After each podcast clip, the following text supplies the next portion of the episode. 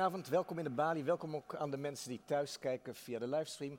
Als u thuis kijkt, kunt u straks helaas geen vragen stellen, maar u kunt wel luisteren hoe andere mensen vragen stellen. Voor ik u even ga vertellen wat we vanavond gaan doen bij deze aflevering van Gunberg ontmoet, voor zover u dat niet al vermoedde of wist, wil ik mogelijke schaamte uh, die u vanavond zou kunnen voelen op drie manieren bij u wegnemen. Met drie argumenten bij u wegnemen. Schaamte wellicht dat u hier zit terwijl in Europa een nieuwe oorlog is begonnen. Om te beginnen is dit een uitstekende avond en dat is het belangrijkste thema van deze avond, namelijk massamoordenaars en hun daden, om over massamoordenaars te praten. Ten tweede, en dat vermoedt u al, dat wist u al denk ik, gaat het leven, zelfs op een paar kilometer afstand van het front, gewoon door en de hang naar normaliteit is niet alleen heel menselijk, maar ook niet per definitie een ondeugd. En ten derde moest ik vanmiddag denken aan een avond in de Bali die uh, aan het begin van de zomer plaatsvond over het werk van G.L. Duurlacher. En in een van zijn verhalen schrijft Duurlacher um, over een gebeurtenis in Theresienstadt, waar hij als jonge jongen in 1944 belandt.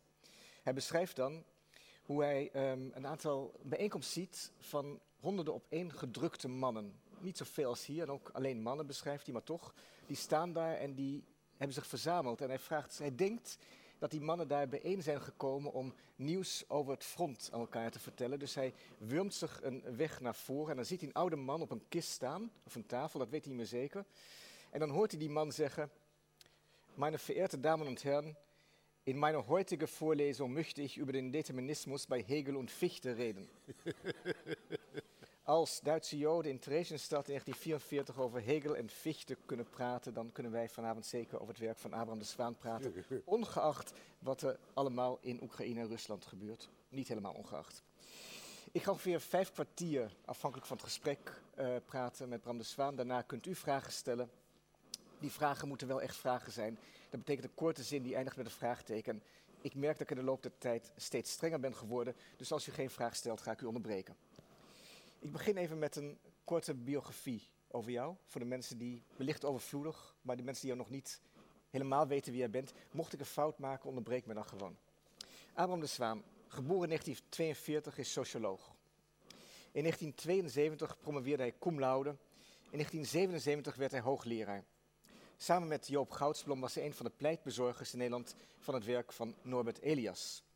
Hij doseerde onder andere aan de New School for Social Research, Columbia University aan de Sorbonne en Collège de France. Onder meer schreef hij de boeken Amerika in termijnen, een ademloos verslag uit de USA, waarmee in 1968 debuteerde, als mede Compartimenten van de Vernietiging, een boek waar ik vanavond met hem over hoop te praten, en waarin genocidale regimes en hun daders worden onderzocht. De mens is de mensenzorg en zorg en de staat zijn ook titels van zijn hand. Zijn werk verscheen in minstens twaalf talen. Daarnaast was hij jarenlang columnist voor onder andere NRC Handelsblad. En overigens was hij ook redactielid van Propria Curus en De Gids. In 2008 werd hem de PC Hoofdprijs toegekend omdat hij volgens de jury zowel over ingewikkelde als over simpele zaken schrijft in glasheldere en lenige taal, waar het, plezier het schrijven van afvonkt. En tussendoor studeerde hij psychoanalyse en werkte ruim tien jaar, van 73 tot 84, als psychoanalytisch therapeut. Daar ben je het helemaal mee eens tot nu toe?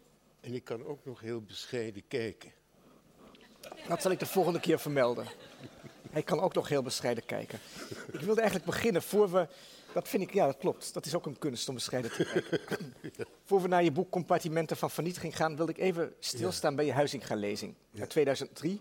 Delen van die Huizinga-lezing zijn iets gewijzigd in dat boek terechtgekomen. Maar ik wil om te beginnen je citaat voorleggen waarmee die lezing um, nu, bijna twintig jaar geleden, begon. En dan schrijf je, dan heb je ook uitgesproken in Leiden, de staat is de grootste vernietiger van mensenlevens. Ja.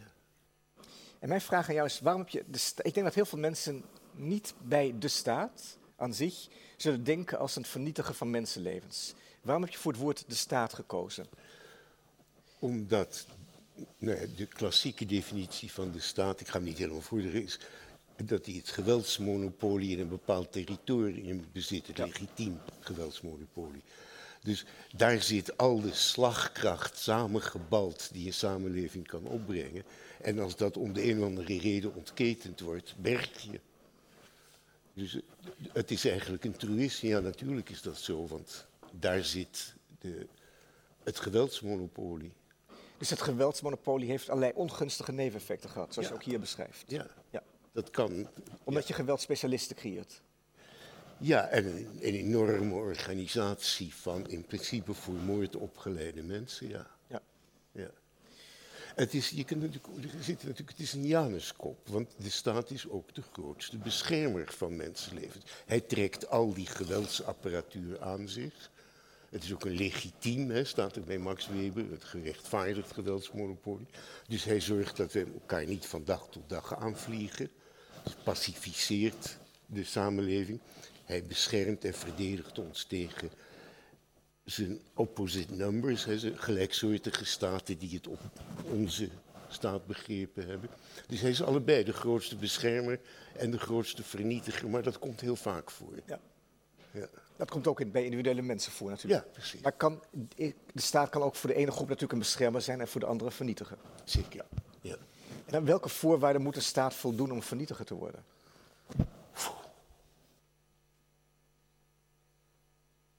Nou, daar vraag je me wat. Nou, om te beginnen als eh, waar kan, hè, zo'n staatapparaat waar kan maken, of de regering die die staat bestuurt, dat we bedreigd worden door een andere staat. En die moet dan tijdig vernietigd worden. En dat kun je ook dat hoeft niet altijd feitelijk te zijn. Je kunt iets oproepen, bijvoorbeeld een bedreiging van binnenuit. Dat in die staat, daar is een groepering, dat zijn eigenlijk verraders en staatsvijanden. En die bedreigen ons. Die kunnen alles ondermijnen. Dat zijn vroeters, eh, Stalinistisch woord.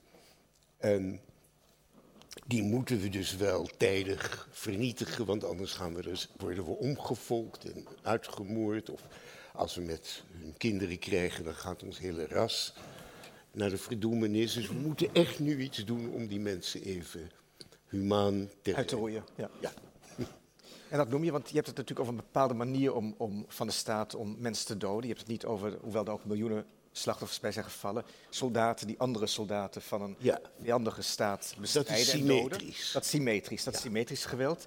Zowel in deze lezing als in jouw boek over genocide Ja. heb je het over het asymmetrische geweld. En dan zeg je ook, de meeste slachtoffers van staatsgeweld zijn ongewapende, weerloze mensen. ja, Die toch, om redenen die je net hebt genoemd, als vijand worden gezien. ja dus dat is, de, een, ja, dat is een creatie. Hè, dat, je, eh, eh, eh, ja, dat je dus een, een, een stelletje ongeregeld zoals mensen zijn, en daar een, een, een, een geheel van weet te maken. Maar dat- soms vinden die mensen zichzelf ook een geheel. Laat ik zeggen, de, de Apaches in de Verenigde Staten verenigen zich tot Apaches en worden een gevaarlijke bedreiging. Ik neem maar even ons ver voorbeeld. Ja. Eh, dus er is natuurlijk heel veel mystificatie nodig. Dat is aan één stuk door het- ook het werk van de staat. Om te mystificeren. ja. ja, Om de eenheid van de staat te waarborgen. bijvoorbeeld. Of het staatsvolk. Ja. De mensen die bij de staat horen, voor wie die het allemaal doet. Ja, Zonder mystificatie gaat het niet. nee. En houdt die mystificatie ook per definitie een vijandbeeld in? Ja, bijna wel per definitie, ja. Ik, ik, ik leg echt de nadruk in het dat als mensen een groep vormen, een wij, dan kan dat alleen maar doordat er een zij is. Eh, In de me- meervouds. Ja, dat begrijp ik. Ja. En dan is het weer de vraag wanneer die zij zo anders wordt, zo bedreigend. ja. Dat is werk. Dat is werk. Het werk van de desidentificatie. Ja, je het. Je identificeert je met mensen. Maar hetzelfde proces waarbij je zegt, wij lijken erg op elkaar. Wij zijn allemaal gezonde, eh, zedige mensen die op tijd hun schulden betalen. Dan betekent dat al haast dat die mensen daar dat dus niet zijn. En schulden maken en zich zedeloos gedragen. Het hoeft niet altijd zo kwaadaardig te zijn. Het kan ook goedaardig. Sport is in 90% van de gevallen loopt het goed af. Dat de mensen elkaar niet te lijf gaan. Ja. Ik zou zeggen tegenwoordig in 99% van de gevallen. Ja. Ja, ja. ja, ja. En is, zou je dan kunnen zeggen, dat is natuurlijk een beetje een, een gemeenplaats, dat, dat die sport een manier is om die behoefte aan vijandschap van mensen te reguleren? Ja, een heerlijk saamhorigheidsgevoel. En een onschuldig vijandschapsgevoel. Ja. ja, dat is natuurlijk eigenlijk prachtig. Doen ze dat? Ze doen dat heel knap. Maar we moeten vooral niet denken dat wij een staat kunnen hebben of een groep, een wij, zonder een zij. Dat is een gevaarlijke illusie. Ja. ja. Maar dat is niet zo erg, maar als je het weet te dempen. Als het niet te vijandig wordt. En vind je dan dat het ook de taak is van, wat ik nu dan maar even de overheid zal noemen, om het woord staat in dit verband niet te gebruiken, om die vijandigheid te dempen? Soms wel. Ja, nee, dat noem je de diplomatie. Hè, dat je, er is natuurlijk altijd een zekere spanning. Zelfs tussen Belgen en Nederlanders bestaat een zekere klein beetje een spanning. Een beetje. Maar dat, uh, heel vaak verloopt dat, en Belgen zijn daarin een goed voorbeeld, in joking relationships. Wij maken grappen over Belgen, die zijn dom. En zij maken grappen over ons, wij zijn gierig. Maar we gaan elkaar nauwelijks. Maar er is een beetje spanning en dat wordt met dat soort grappige dingen. Dat is een hele gebruikelijke manier om vijandschap op een laag pitje te houden. De grap. Grappen. De grappen, ja. Nou, dat is Grappen die uitgaan van een gemystificeerd beeld van de Van de ander, van onszelf en van de stereotype. Ja. En dom en gierig zijn niet zo erg. Nee. Nee, ik kan ze wel erger verzinnen hoor. Nee, dom en gierig zijn niet zo erg. Ja. In deze lezing eigenlijk eh, op heel veel manieren uh, verwijs je vooruit naar, naar je boek over genocide. Ja. Want je hebt het ook al over de doders, en daar komt het woord compartiment ook al in voor. De doders gaan het compartiment van de massamoord binnen en ze gaan het ook weer uit. Ja. Dus we gaan nu even. Dat het, het, het reguleren via sport en via grappen is niet gelukt, om wat voor reden dan ook. Er zijn vijanden, vaak ook binnenlandse vijanden, die gedood moeten worden. Ja. ja. En dat doden gebeurt op speciale plekken door de doders, die een compartiment binnengaan waar gedood wordt. Ja, eigenlijk, hè, mijn, mijn allesomvattende metafoor is compartimentalisering.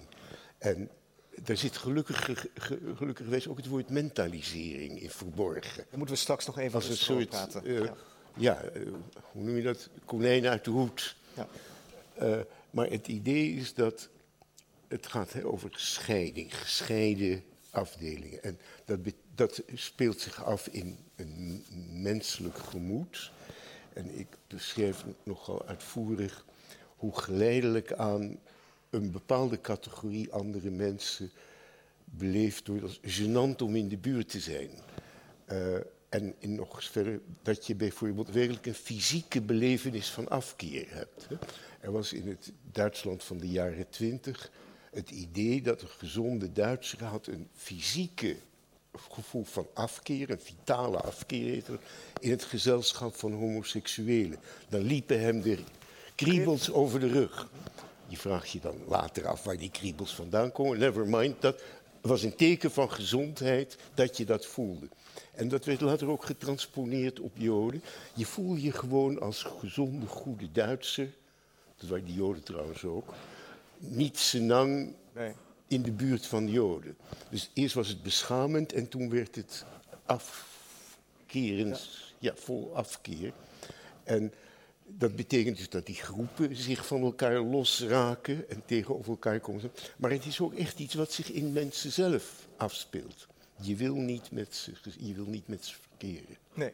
dat... Maar die wens houdt nog natuurlijk niet automatisch in. Dat, dat is nog, gaat nog een stap verder. Ja, het begint altijd met de wens. Ja. Ja, ja. Maar tegelijkertijd schrijf je ook, je hebt dat aantal voorbeelden van, je noemt uh, Rwanda, dat je uitvoerig de massamoord daar, die je uitvoerig hebt onderzocht, maar natuurlijk ook uh, uh, het nazisme, dat iedereen altijd wel van die vijandelijke groep, of het nou de Tutsis zijn, of de Joden, of de homoseksuelen, iedereen kent altijd wel één goede Tutsi.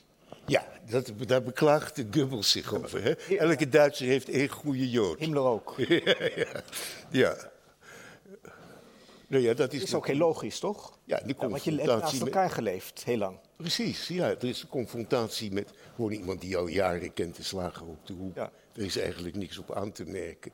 Ja, dat is dan een uitzondering, maar dat is alweer een werkje om daar iets mee te doen. Dat je een aardige slager laat ik hem Quiroz noemen, zoals de oude Portugese slager op de Vijzelgracht. Die kent een aardige slager Quiroz. En hoe moet dat nu met al die andere Joden? Dat is een klein werkje wat gedaan moet worden om te zorgen dat je toch al die andere Joden kunt verafschuwen. Ja, een soort innerlijk conflict moet worden opgelost. Ja, er is een heleboel werk te doen om zo te kunnen compartimentaliseren.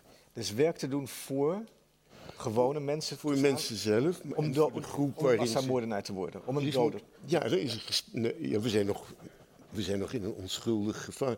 Laten we zeggen, in de Amerikaanse samenleving lukt het al, hoeveel jaar nu? 160 jaar zeg maar, om een groepering te hebben van donkere mensen waar je toch liever niet mee je wil afgeven. Althans, dat geldt voor een groot aantal blanke of witte Amerikanen. Steeds minder, toch?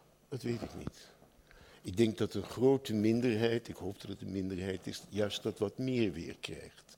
die, uh, het, ja, allerlei ideeën en een, een, een, afkeer van donkere mensen. Die misschien ook wederzijds is, dat kan ook. Uh, denk ik wel. Hoe verklaar je, dat is eigenlijk even een zijpad, maar dat, nu je dat zegt, ja. valt dat toch op. Hoe verklaar je dan dat dat meer wordt? En waarom dat denk verklaar je, ik niet. Dat, dat verklaar je niet. Nee. Het is gewoon een, een Daar moet ik dan weer heel lang over gaan zitten denken en lezen, dat weet ik niet. Nee. Maar oké, dat accepteer ik als antwoord. je lezing, um, ja. Huizinga-lezing, eindig je nog redelijk optimistisch. Althans, ja. als het gaat over de staat. Die je ook wel in de beklaagde bank hebt gezet. En ik denk wat mij betreft zeer terecht. Het is inderdaad een monster, een noodzakelijk monster. Maar je schrijft dan over die staat, en het zijn je laatste woorden van die lezing. Absolute macht, moord absoluut. De rechtsstaat beschermt relatief. Ja, nou dat is een goede samenvatting, ja. Ja. ja. Dus aan de andere kant, dat we in min of meer vreedzame verhoudingen met elkaar leven. Dat de tram rijdt, dat er een, een broodje pekelvlees is. Dat is allemaal door die organisatie en die pacificatie van staatswegen. Het is echt een Januskop, of misschien wel een duizendkop. Maar zelfs dat vertrouwen, zelfs de meest functionerende rechtsstaat, moeten wij toch altijd weer met enige sceptisch tegemoet treden. Ja. Als het gaat om de bescherming tegen de staat en de geweldspecialisten. Ja, ja. Of bijvoorbeeld in het Amerikaanse drugsbeleid. Uh, ja, het beschermen van de bevolking tegen dat drugsgevaar houdt dat gevaar eigenlijk in stand. Ja. Dus het kan allemaal heel paradoxaal zijn. Ja. Maar is het, zou het dan niet een mogelijke conclusie zijn als die staat zo'n tweekoppig monster is, waar we aan de ene kant niet zonder kunnen, omdat we ja. dan gebruik zouden maken van het ons natuurrecht op geweld? Ja. Is het dan niet voor de hand licht om te denken dat we de staat eigenlijk een beetje zwak moeten houden? Vooral... Ja, dat is je inspinnen in rechtsbeginselen. Ja. En er zijn ook mensen, dat zijn niet mijn politieke medestanders, maar dat zijn heel respectabele politieke participanten, die zeggen je moet altijd een kleine staat hebben. Ja. Want anders dan krijg je allerlei repressie en, en bemoeizucht. Van Reagan is bekend. Uh, als iemand zegt, uh, I'm from the government and I've come meest, to help you. Ja, de meest angstaanjagende woorden in het Engels zijn als iemand op de deur klopt en zegt, ik ben van de overheid, ik ben hier om u te helpen. Ja, ja, ja. Ja. uitspraak van Reagan. Ja, goed, dat is op zichzelf is dat een redelijk respectabel mens en die vindt dat je een kleine staat moet hebben, ja. Heb je ooit, ben je ooit in de verleiding gekomen om anarchist te worden? Nee, dat nee. vond ik volstrekt te dwaas. Eigenlijk altijd, ja. ja. Reeds als jong mens. Reeds als jong mens. Ja. Dat is geen antwoord op het gevaar van de staat. Nee, nee. Want anarchisten doden ook. Ja, maar daar is, ja, hoe moet ik dat nou zeggen? Het is een hele sympathieke gedachte. Maar de vraag hoe voorkom je dan dat mensen elkaar. Er hoeft maar één naarling te zijn die een mes ergens vandaan haalt. En dan begint de ellende al. En ook hoe creëer je bijvoorbeeld, hoe zorg je dat de, de, de waterleiding werkt? Of dat er wegen zijn. Nee, dat is een, een, ik vind dat een naïeve gedachte. Maar de bijzonder respectabele, echt eerbiedwaardige Anton Constance was een anarchist. Maar wat hij daar precies mee bedoelde, dat weet ik niet. Ik heb jaren met hem in de gidsredactie gezeten. Een hele indrukwekkende man. Dus er moeten betere argumenten zijn dan ik nu meteen kan bedenken. Er was natuurlijk ook een heel beroemde wiskundige die in spoken geloofde. Ja, Gödel, toch? Ja.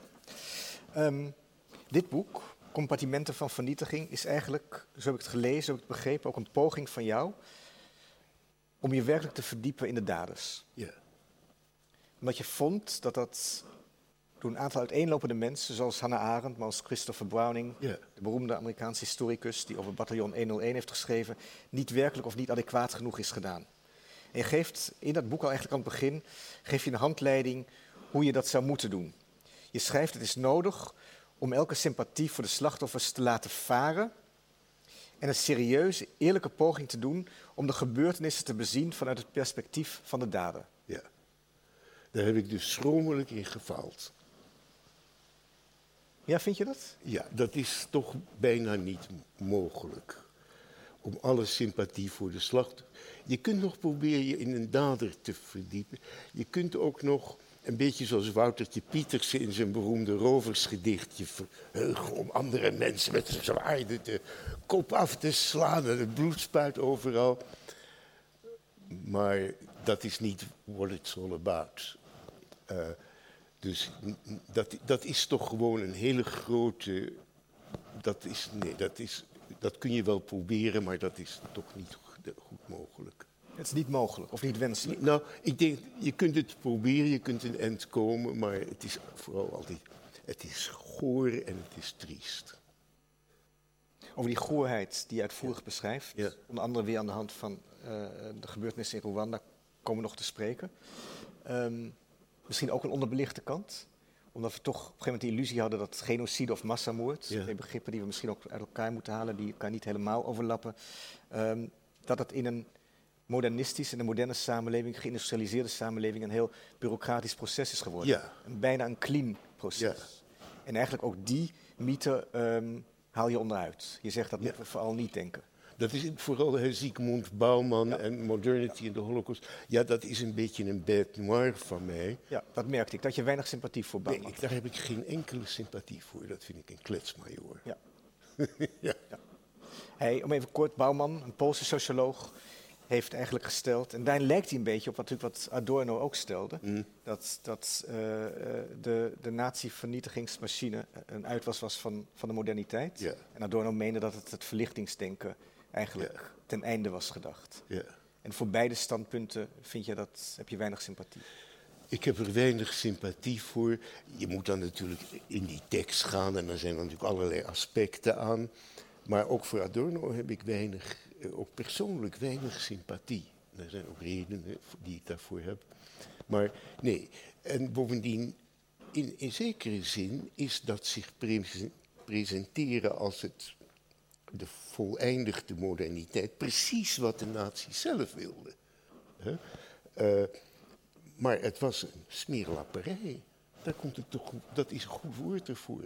Goorigheid. Ja, een paar keer laat je ook het woord, maar nogmaals, daar wil ik het straks nog even over hebben, carnaval vallen. Een carnavaleske sfeer. Oh, ja, Ja. ik weet niet precies in welke context. In de context van de moorden, van de massamoorden in Rwanda. ja, nee, dat, dat heb ik zelf niet. Genocidair die zich verkleden. Ja. Die zich, eh, Ja. ja. Alsof het een carnavalesk feestje is. En, Ja. ja. Je, noemt, je hebt een aantal eh, grote massamoorden behandeld. De revolutie in, in Mexico, eh, natuurlijk Stalin. Het valt me eigenlijk op dat we over de daders van het, van het Stalinisme heel weinig weten. precies. Dat is ook Die zo. daar weet ik is echt heel heel weinig Ja, literatuur. heel weinig literatuur over. Overigens, een van de grote genocidale campagnes van Stalin was tegen Oekraïne in de jaren Ja, 30. de hongersnood. toen hij daar een ongelofelijke hongersnood. Hij heeft misschien niet helemaal overzien wat hij deed, maar het is wel gebeurd. Ja. Is bij zo'n hongersnood, dat was 35 meen ik, hè? 35, 36. Heb je dan ook, je hebt, jij noemt de massamoordenaars genocidair. Ja. Zijn daar dan ook bij zo'n, bij zo'n hongersnood, heb je dan, is er ook sprake van genocidair? Is dat, Eh, eh, nou, ik weet niet precies. Kijk, wat er gebeurde was dat die. eh, de beschuldiging was, die boeren, en in dit geval in Oekraïne, die willen niet meewerken aan de collectivering van de landbouw. En daarom houden ze stiekem hun zaaigoed, hun graan om opnieuw te zaaien achter. En onze partijleden moeten daar langs gaan en die moeten daar huiszoeking doen en alle graanvoorraden innemen. En die partijleden wisten heel weinig van landbouw. Onder andere niet dat je een, een, een, graanvoorraad nodig had, ongeveer een kwart tot een derde van de oogst, om voor het volgend jaar in te zaaien. En die partijleden dreigden zelf natuurlijk als ze niet genoeg arrestaties verrichten en ja, in beslagnames, dan liepen ze gevaar. Dus misschien is dit niet helemaal gepland en overzien. Maar toen Mao dat deed aan het eind van de jaren 50, ik zeg het goed, hè, de grote sprong voorwaarts. Toen moet hij, want hij was natuurlijk een groot student, leerling van Stalin, geweten hebben dat het verschrikkelijk was. En, en hij ging ongeveer net. Maar heeft bewust Stalin gekopieerd. Denk ik wel, ja. ja. En we denken dat dat dus 50 miljoen mensen daardoor ja. verhoord zijn. Ja. ja. dat zijn aantallen die. Ja. Dat is absurd. Je schrijft ook nog aan het begin van je boek dat uh, de vorige eeuw heeft 100.000 plegers van genocide opgeleverd, circa. Ja, ja. En daarvan zijn slechts 700 bericht, 500 veroordeeld. In, in Duitsland bedoel Ja. Ja, ja, ja. Ja, nee, daar was geen sprake van. De, de rechter zat vol. Af en ik ken de juridische trucs hoe dat, dat ging. Het idee was dat alles wat die, die, die nazi-beulen deden, dat was volgens wettelijke voorschriften. Dus dat je mensen bij honderden de gaskamers in begeleiden, kon je niet tegengehouden worden. Maar als je één iemand een schop gaf, aha, dat stond niet in de voorschriften. En daar kon je op veroordeeld worden. Dus het was een ja, pastiche. in vergelijking met, met andere massamoorden is dit toch een redelijk hoog aantal van rechtszaken en veroordelingen. Ja. ja. Er is geen vak zo veilig als genocideer. Er is geen vak zo veilig als genocideer. Was het wenselijk geweest als er meer rechtszaken waren, op, waren gevoerd? Of had, was dat niet het risico, hadden we niet het risico gelopen dat we Duitsland ontwricht hadden en nu niet zo'n voorbeeldige democratie, redelijk voorbeeldige democratie in Duitsland zouden gehad hebben? Zouden, zouden, zouden. Ja. Uh, misschien. Ik, ik, geef mijn mening voor de jouwe. Uh, het is natuurlijk, er is ook gewoon een generatie geweest van een nieuwe generatie studenten in de jaren 60, 70, een nieuwe generatie juristen, die echt een eind gemaakt hebben aan de, ja, de collusie tussen oude nazirechters en nazibeulen. Dat was behoorlijk verschrikkelijk, ja. Er was ook nog de uitdrukking mens reus, de geestesgesteldheid van de dader. En je kon niet verwachten van die daders in de context van die kampen dat zij dat niet zouden doen of dat zij zouden begrijpen de volle omvang van de misdaad. Ja, dat was een pastiche. Maar volgens bij mijn weten zijn geen van de genocidair in, in, uh, in de Sovjet-Unie ooit berecht. Nog in dat China. Dat ook niet, nee, nee. nee nooit. nooit. Nee. En Rwanda, vind je dat die het dan beter hebben gedaan? Nou, het is wel bijzonder wat ze gedaan hebben. Ze hebben een groot aantal mensen uh, echt, hebben echt procedures gehad. En toen hebben ze dat Gakacha, ik geloof dat ik het goed zeg, dat waren dorpsgerichte, dorpsoverleg, waarin de daders ter verantwoording werden geroepen. Nou is dit natuurlijk een geheel geïdealiseerd beeld. Het ging waarschijnlijk nog wel wat anders toe.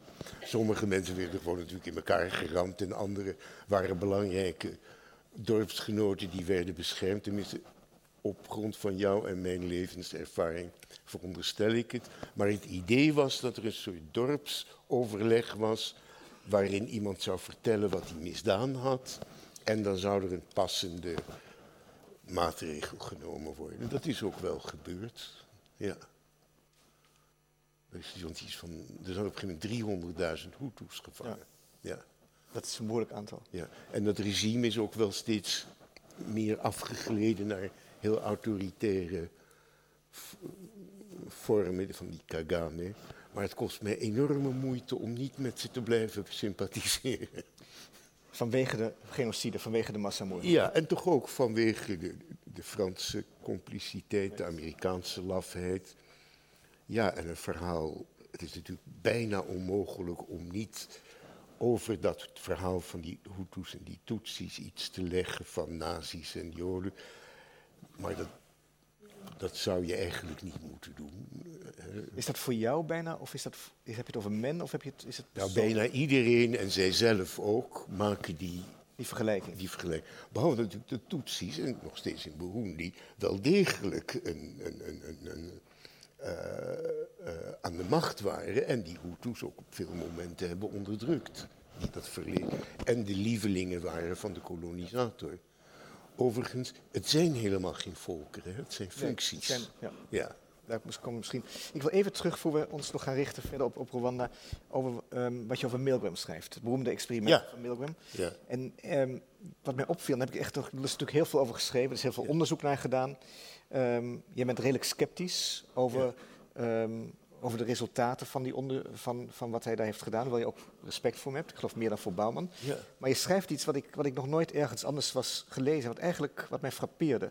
Je zegt, niemand die ook maar enigszins bij zinnen is, zou ooit aannemen dat iemand, wie dan ook, geëlectrocuteerd zou kunnen worden in aanwezigheid van gediplomeerde onderzoekers in het psychologielaboratorium op de campus van Yale University, New Haven, Connecticut. Ja.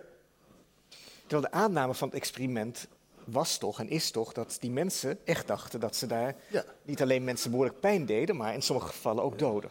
En jij zegt, dit, dit weiger ik te geloven. Ja. Als je enigszins goed bij je hoofd bent, Ja. Uh, begin, was jaren 50 toch? Dat het, uh, Ja. ja. Uh, 61. 61. 62. 62. Dan besef je dat... het Eichmann-proces is in 61. Ja, 61, 62. Dan besef je dat, dat dit op Yale University niet gebeurt. En dan voeg je ook nog aan toe Ja. dat, wetend dat als je het zou doen, zou je waarschijnlijk zelf op de elektrische stoel Ja, precies. Ja. Dus in hoeverre ondermijnt deze gedachte ehm, de uitkomsten van het onderzoek? Nou, kijk.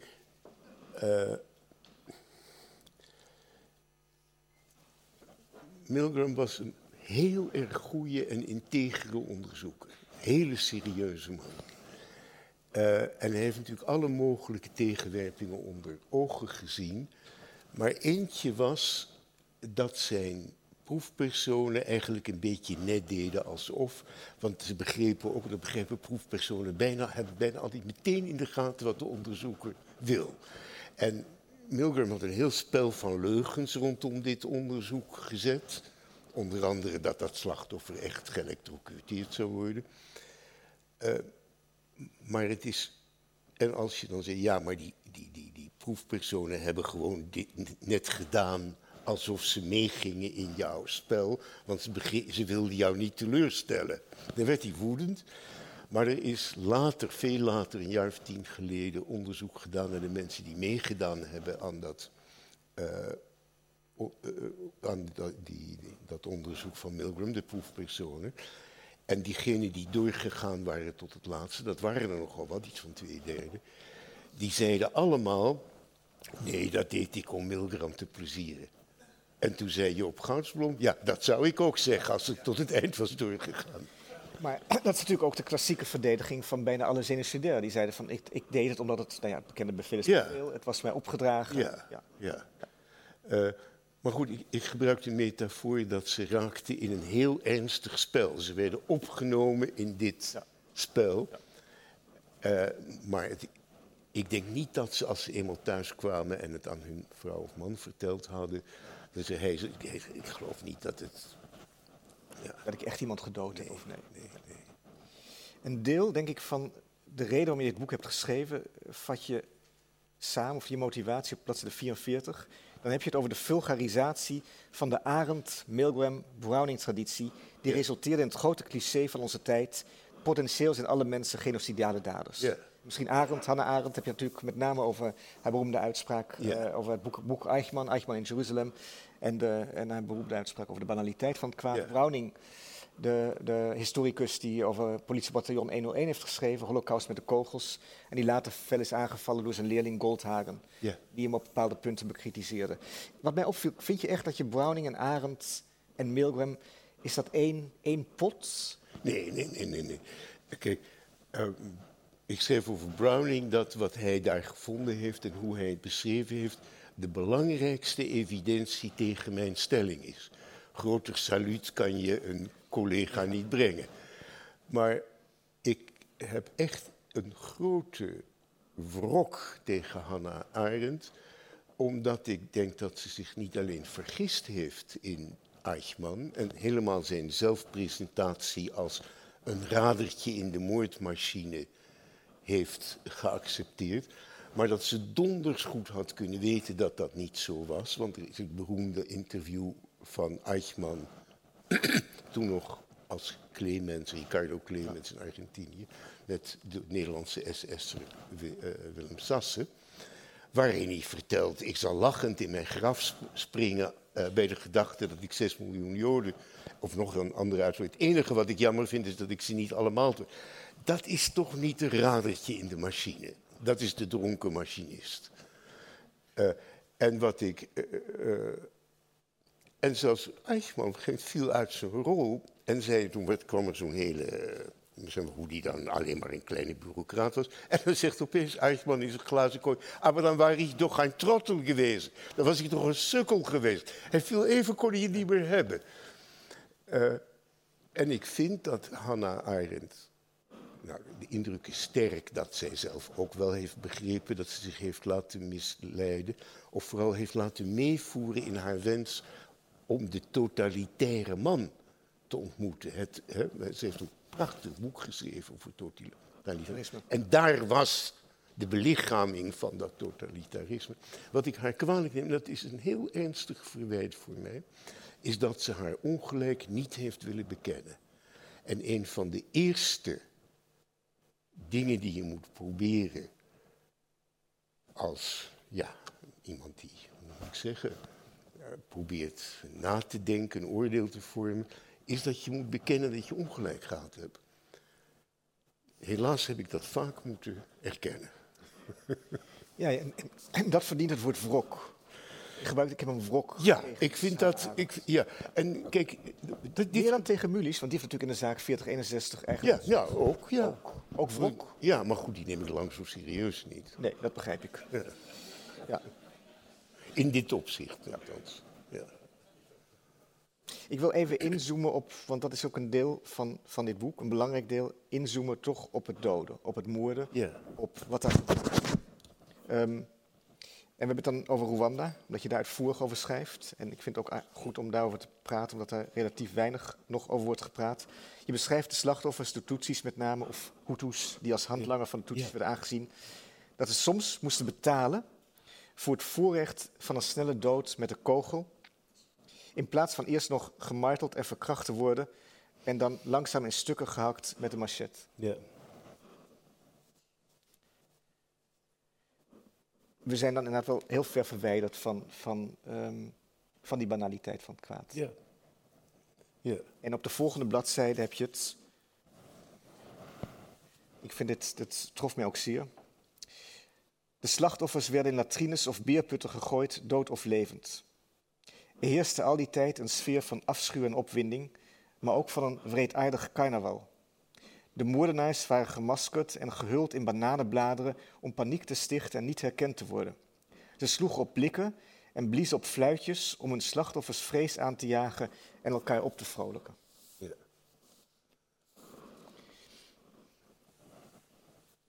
Dit is toch wel echt ook een heel ander gang van zaken. Denk ik, misschien in de kampen natuurlijk wel, maar dit, kan, je dit, kan je deze beschrijving vergelijken met de holocaust van de kogels of met, met de is, is dat... Nee, je kunt het wel vergelijken en dan is het heel verschillend. Ja. Ja. ja. En hoe verklaar je die verschillen? Was dit ongeorganiseerde? Was dit... Ja, de staat was wel de grote aanstichter en die Hutu Power partij en die coterie rondom Tantagat.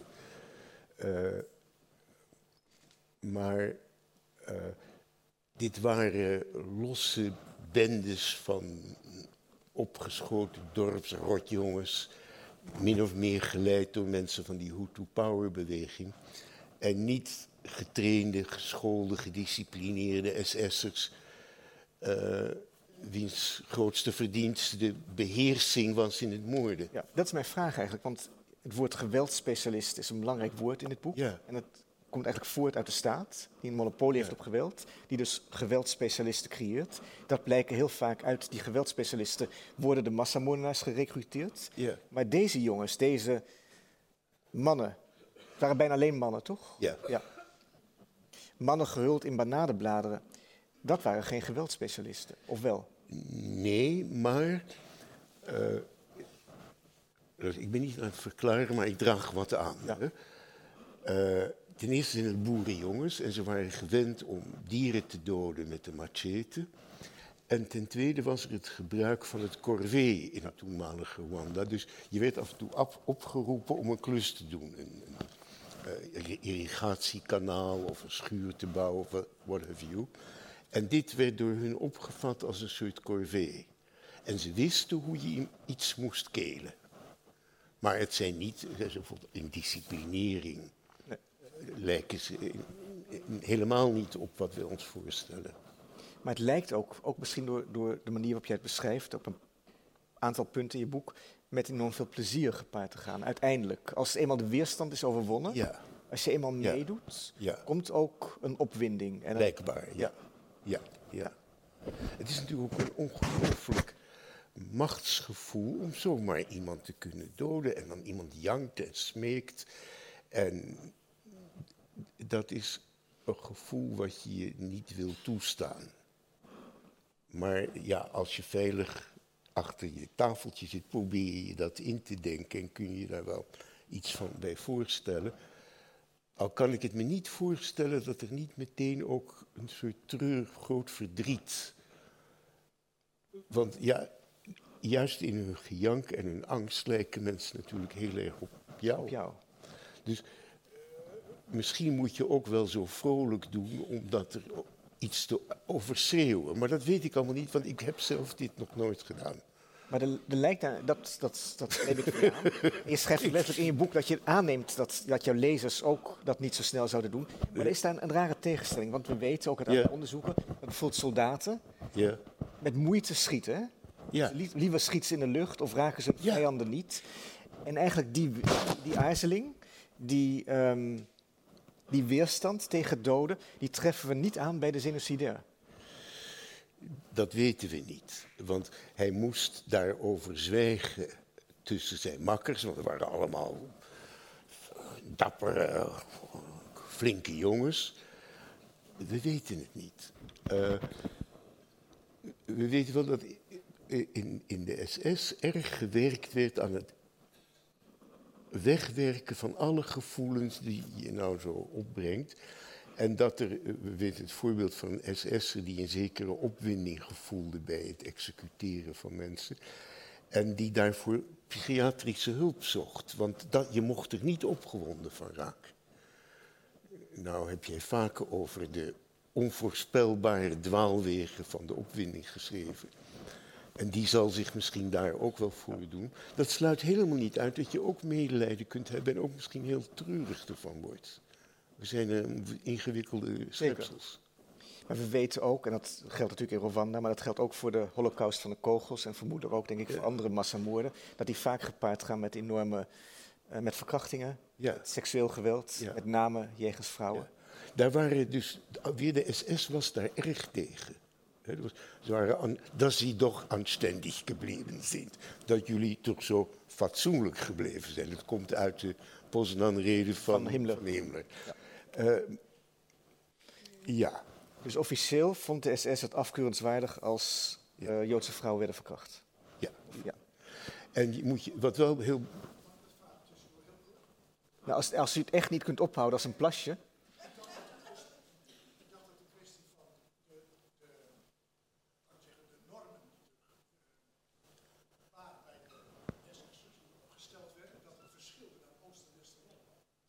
Ja, ja. En dat is natuurlijk ten einde zeker.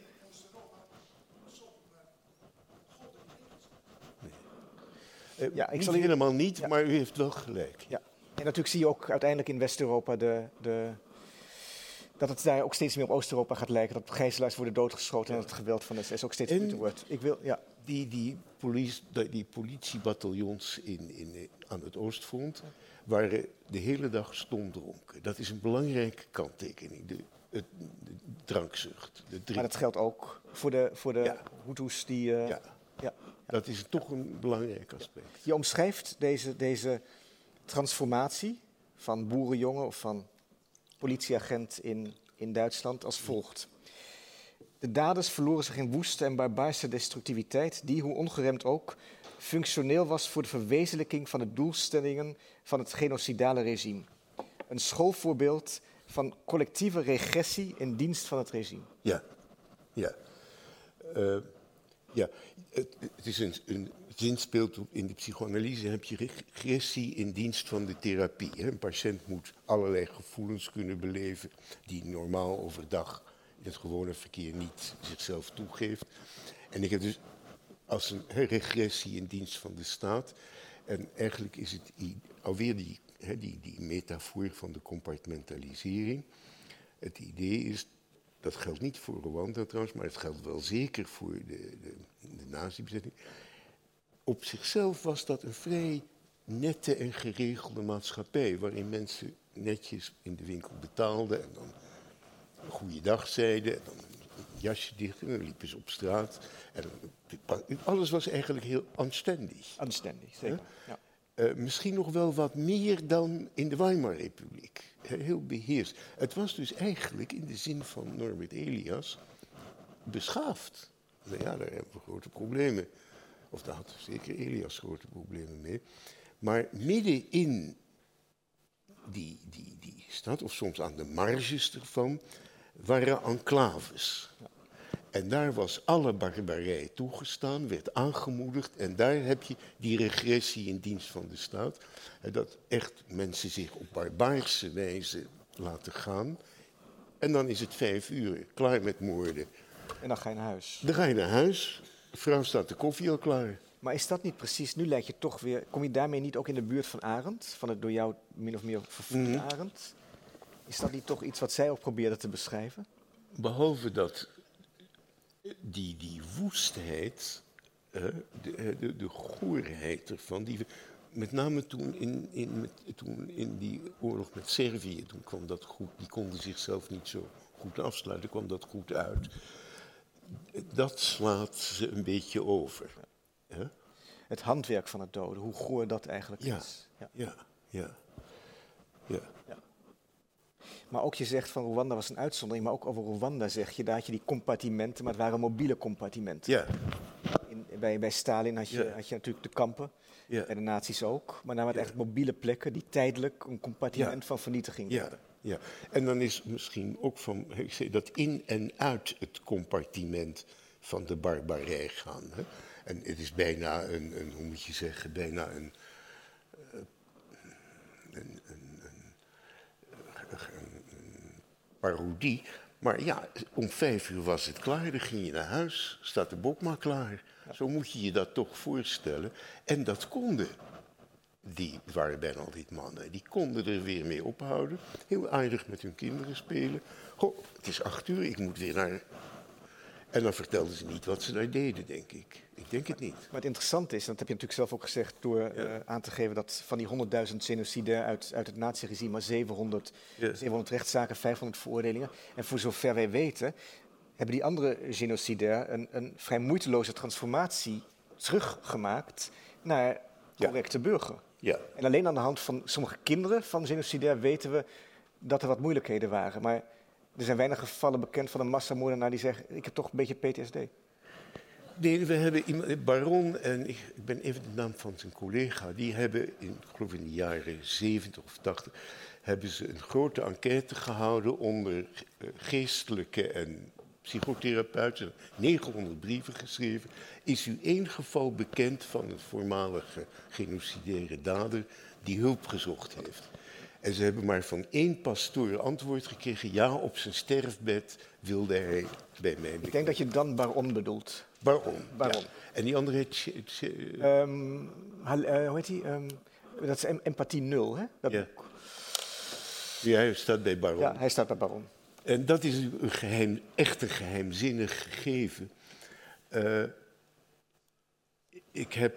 Ja.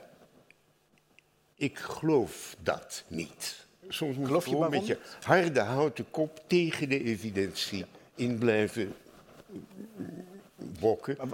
Je gelooft Baron niet? Ik geloof wel dat hij die 900 antwoorden gekregen maar ik geloof niet dat daar tienduizenden voormalige daders echt probleemloos. Uh, ik, we weten wel dat een, ergens waar ze naartoe konden gaan waren vaak kroegen waar veel oud-SS'ers kwamen. En waar ze weer konden terugvallen in die oude compartimenten zonder hetzelfde gedrag te vertonen. Ja, maar waarschijnlijk konden ze niet, ook daar niet, vermoed ik niet, bespreken wat er echt gebeurd was. Ik wil even, omdat je Baron Ja. noemde, en dat stukje maakte echt veel indruk Ja. op mij. Ik wil het even voorlezen, als het goed Alsjeblieft. Rond 1986 benaderden dan Baron 56 Duitse geestelijke, artsen, verpleegsters, psychiaters... 56.000? 56 Duitse. Oh, 56 Duitse. Oh. 56 Duitse geestelijke artsen, verpleegsters, psychiaters en psychotherapeuten met de vraag of de daders van de Holocaust na de oorlog ooit bij hen gebiecht hadden of anderszins hulp gevraagd. Ja. Hij vond maar één geval. Israël Charney verstuurde honderden Charney. vragenlijsten, Charney was het niet, maar met dezelfde vraag naar psychiaters eh, en psych- psychotherapeuten in heel Europa en kreeg maar één melding van horen zeggen. Die ene melding aan Baron, dat, dat ja, betrof een dader die zijn biechtvader vertelde dat al die jaren overal een paar ogen hem bleven volgen. Ja. Het waren de ogen van een Joods meisje van zes dat tijdens de opstand in het ghetto van Warschau uit een bunker opdook en met doodsangst in de ogen op hem afrende en hem omhelste. De commandant gaf hem bevel om haar dood te steken en dat deed hij. Dit verhaal geeft een idee van wat voor verhalen het waren die nooit verteld werden. Ja. Nou is opvallend, als die SS'ers braken, dus er niet goed meenemen over, eigenlijk bijna altijd kinderen. Ja. En dit kind zoekt bescherming bij hem. Ja, dat, dat is... Dat is... Ja, Dostoevsky zei dat er niets ergers is wat in een roman kan gebeuren dan de dood van een kind, maar dat is zo. ja, Ja. ja. Ehm, Maar is het niet ook niet, om nog even terug te komen, jij kan je dat niet voorstellen, maar is dat ook niet eigenlijk een gedachte dat je, die voortkomt uit. Maakt niet uit. Die voortkomt uit, ehm, uit de wens dat dat niet zo zou zijn. Dat het, eigenlijk, dat het eigenlijk zo onwenselijk is, dat het zo onmenselijk bijna is. Als je zou kunnen voorstellen dat mensen dat gedaan hebben en moeiteloos, zonder problemen terugkeren naar de rol van burgervader, Ja. ehm, arts, jurist, sigarenboer. Nou kijk, eh, laat ik, ik heb er natuurlijk een beetje over nagedacht. Ik heb, ik heb weinig evidentie. Eh, maar er zijn twee dingen. Amerikaanse veteranen tegenwoordig hebben echt een hoog percentage, tientallen procenten, ben ik er ver vandaan, lijden aan PTSD. Dus ernstige geestelijke, psychische moeilijkheden naar aanleiding, zeggen ze, van dat, die oorlogsperiode. Er is nog iets, dat was in Zuid-Afrika tijdens die verzoeningscommissie. Zowel daders van de zijde van de ANC als van de Zuid-Afrikaanse politie en leger zijn daar in tranen, hebben nachtmerries, een totaal van streek. Hoe komt dat? En ik kom tot een formule eh, dat er pas psychische ruimte is om een gevoel te beleven als er de sociale ruimte voor is. Die, hè, en blijkbaar was die er niet in het naoorlogse Duitsland en wel in de Truth and Reconciliation Commissie en ook in die medicalisering Ja. van de schuld in, zeg ik nu even heel gauw, in de VS. En dat is een, belangrijke formule. Of die waar is, is een tweede. Je kunt niet in isolatie een gevoel verwerken. Er zijn die kroegen. Ik denk wel dat veel vrouwen van deze daders iets wisten. En dan hebben we natuurlijk de kinderen die over hun vader schrijven, er zijn er heel wat. En dan komen ze over als heel streng, autoritair en wat daar een beetje mee strijdt, opvliegend. Hè, opeens gewelddadig. Alleen we weten niet in hoeverre dat ook een goede beschrijving is van de meeste andere Duitse vaders van die generatie.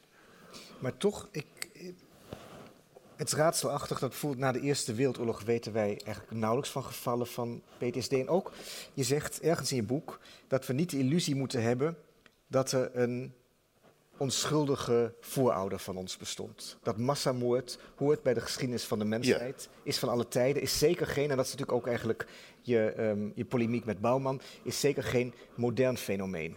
Alleen vroeger Het enige wat nieuw is, zeg je, is de schaamte over de massamoord. Ja. Dat is eigenlijk nieuw. De Ja. schaamte. Vroeger werden, bij, dat was heel gewoon, de oorlog werd gewonnen, vrouwen verkracht en verder iedereen En je overdreef het aantal slachtoffers. Je overdreef het omdat je trots was. Ja. Ja. Dus die schaamte is- is nieuw. Ja. En door die schaamte verandert natuurlijk de, de sociale component. ja. En kun je niet meer trots zijn dat je Wordt het tienduizenden van je vijanden hebt gedood. Overigens, eh, wat wij nu PTSD noemen, dat noemden ze in de Eerste Wereldoorlog shellshock. Ja. En dat kwam toch wel heel veel voor, al werd het vaak gezien als simulatie om een uitkering te krijgen. Maar het was er wel. Ik hoorde je even tussen neus en lippen, en dat wil ik toch even bij stilstaan. Hoor je, ehm, zei je dat eigenlijk, heb je, had je het over de medicalisering van de schuld. Ja. Is dat, wat, is dat de harde kern van PTSD? Nee, het schoot me zo te binnen. Ik geef het voor wat het waard is. Oké. Massamoord vindt eigenlijk. De, voor, de voorwaarde voor massamoord is een, is, een, is een ontwrichting van de maatschappij. Oorlog, burgeroorlog, eh, revolutionaire omwentelingen. En in je boek heb je, eh, heb je, onderscheid je vier vormen van massavernietiging. Ja, Je hebt het over de razernij van de veroveraars, het, Ja. het leger dat optrekt. ja. En dat zo in de roes komt van de overwinning dat het aan, aan moorden slaat. Dat eigenlijk de, Vaak koloniale oorlogen tegen die- politionele acties, zoals ze tot vorige week heten. Die onafhankelijkheidsoorlog van Indonesië. Dat is typisch razernij van de overwinnaar. ja. Je kunt bijna het script schrijven. Dan heb je eh, het leger verliest, het land verliest. Zoals ook gebeurde bijvoorbeeld bij de nazi's. Ja. Weten dat de oorlog verloren is. Maar er is nog één oorlog die gewonnen kan worden. Die tegen Ja. de Joden. En hetzelfde hebben we Triomf van de verliezer. het triomf van de verlies. Ja. Is dat ook een beetje een, een wraak? Ja, het is natuurlijk ook turning passive into active. Die, die, die Hutus konden het niet winnen. Ze probeerden het trouwens niet eens van het binnenmarcherende RPF van de Tutsis. Dat uit Oeganda kwam, dat leger. En keerde zich tegen de inheemse burger-Tutsis. Eh, hoe dit, dit is toch vrij geheimzinnig, hè, die triomf van de verliezer. Elke, gebeurde ook in Rwanda. ja, dat ging We hadden de Hutus waren de ja. oorlog aan het verliezen. Ja, Ja. Jazeker. En je zou ook bij de Serven daarover kunnen. Het is iets wat natuurlijk elke psycholoog of literator aantrekt. Het is een beetje paradoxaal, maar hoe het echt werkt, weet ik toch niet goed. Dan heb je nog eh, het schrikbewind. Ja. Stalin bijvoorbeeld. Ja, En de razernij van de menigte. De Ja. pogroms. Ja. Daar heb je toch ook wel interessante cijfers die eigenlijk vrij weinig bekend zijn. Je hebt het over de massale pogroms die de Polen en Tsjechen ondernamen tegen de Duitsers aan het eind van de oorlog. ja, Waarbij 14 miljoen Duitsers werden verdreven ja, en talloze vermoord. ja. Eh, ik denk dat je, even kijken, je noemt een aantal. 200.000 burgers en 363 krijgsgevangenen, allemaal Duitsers, zijn daarbij omgekomen. ja. Ja, dat zijn aantallen. Je- en je zegt ook hoe moeilijk het is eigenlijk om over deze pogrom, over deze vorm van massamoord Ja. te spreken vanwege de Duitse schuld. ja. Het, is, het, is, het, het blijft ongemakkelijk. Zeker in Duitsland, ja. ook hier misschien. Ja, ja. Ja, je denkt dan ook, hoor, voor een groot deel waren het volksduitsers. En die waren natuurlijk allemaal nazi-sympathisanten. In ieder geval voor profiteurs die met het nazi-leger waren. Sympathiek waren ze niet, maar het waren ook allemaal... Ja, de uitdrukking Achenebisch. Ze zaten in treinen, ze probeerden te vluchten naar Duitsland. Hitler liet ze niet binnen, want dat was defetisme. En daar was je gevangen tussen twee fronten. Dus ik denk dat er een paar bij waren, dat ik juichend aan de kant gestaan, maar de meeste waren ja, treurig. Dat is zomaar treurig. Maar wat, wat waren de voorwaarden dan van deze Polen en Tsjechen met name om aan deze massamoord? Was dat, eh, is dat, moeten we, is, waren die, want hier gebruik je ook uitdrukkelijk niet meer het woord eh genocidair. Dat gebruik je niet. Nee, dat gebruik je Nee. niet. Dus Om- het ja, toch, het was niet andere... het, waar ik in geïnteresseerd was, dat eigenlijk iets wat er heel erg op leek, ook in aantallen gebeurde in, in het nieuwe Pakistan en het nieuwe India in 48, toen de Engelsen hun politiemacht terugtrokken. Eh, laat ik het zo zeggen, in die megapogroms, de Poolse regering en de Tsjechische regering in Londen en de voorlopige regering ter plaatse wisten donders goed wat er gebeurde. Waar speelde onder één hoedje met de militia's die er waren. En het kwam ze heel goed uit om al die Duitsers uit dat gebied weg te krijgen, wat daarna weer gedegermaniseerd werd. want Polen schoof een stukje op naar het westen. Precies. En ik, als je bijvoorbeeld in, in uh, Breslau, Wroclaw komt, ja, daar is niets meer over van de Duitse bevolking. Er staat nog een aardig monument voor ze, dat is sympa. Maar uh, ja, het is toch ook een tragedie. Uh, dus de, het werd en dat is precies zo in India. Het werd door die provinciale uh, regeringen condoned, gedoogd. Gestaan, gedoogd. gedoogd. Het kwam ze wel goed uit, maar het zag eruit als een initiatief van de burgemeester of van een sportclub. Ja. Maar is dat eigenlijk ook niet deze van al, van al de massamoorden die je behandelt in dit boek? Dat, dat wat lijkt, soms lijkt als spontane volks uitingen van massaal geweld eigenlijk altijd in meerdere of mindere mate geregisseerd is door een staat. We zijn weer bij de staat, die belang heeft bij die massamoord. Ja, Jazeker. Ja. want ook in dat Hutu Power regime, daar is een jaar, minstens twee jaar lang aan één stuk door gehamerd. Met name via de radio, Milcolin. Ja, ja precies. Uiteindelijk denk ik is dit boek, dat denk ik, dat is, is, is het boek een poging om tot een karakterschets te komen van, van de massamoordenaar, toch? Want je zegt, ik neem er geen genoegen mee dat iedereen met, die, met dat cliché, daar, daar, trek ik tegen ten strijde. Uh, de een is geschikter dan de ander. En je komt toch tot een soort van profiel. Je schrijft op het eind van je boek, schrijf je, sommige mensen zijn geschikter dan anderen als materiaal voor de compartimenten van vernietiging. Zelfs relatief kleine verschillen in persoonlijkheid kunnen resulteren in heel verschillende levenspaden van in roerige tijden, omdat ze mensen op elke tweesprong een bepaalde kant op sturen.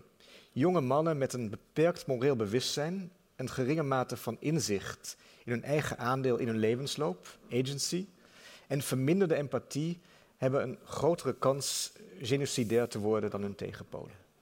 Ik gebruikte het, het, uh, de vergelijking van de, de metafoor van de schutzeef. Hè?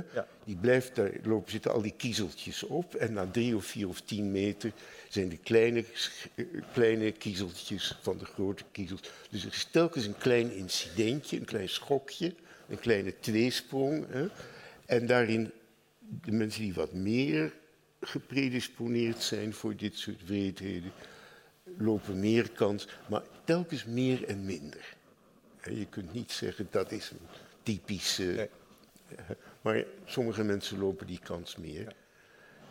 En mensen die dat soms juist niet willen, kunnen in heel grote moeilijkheden raken. Het, het was, je kon ook, het was allemaal niet zo, zo simpel.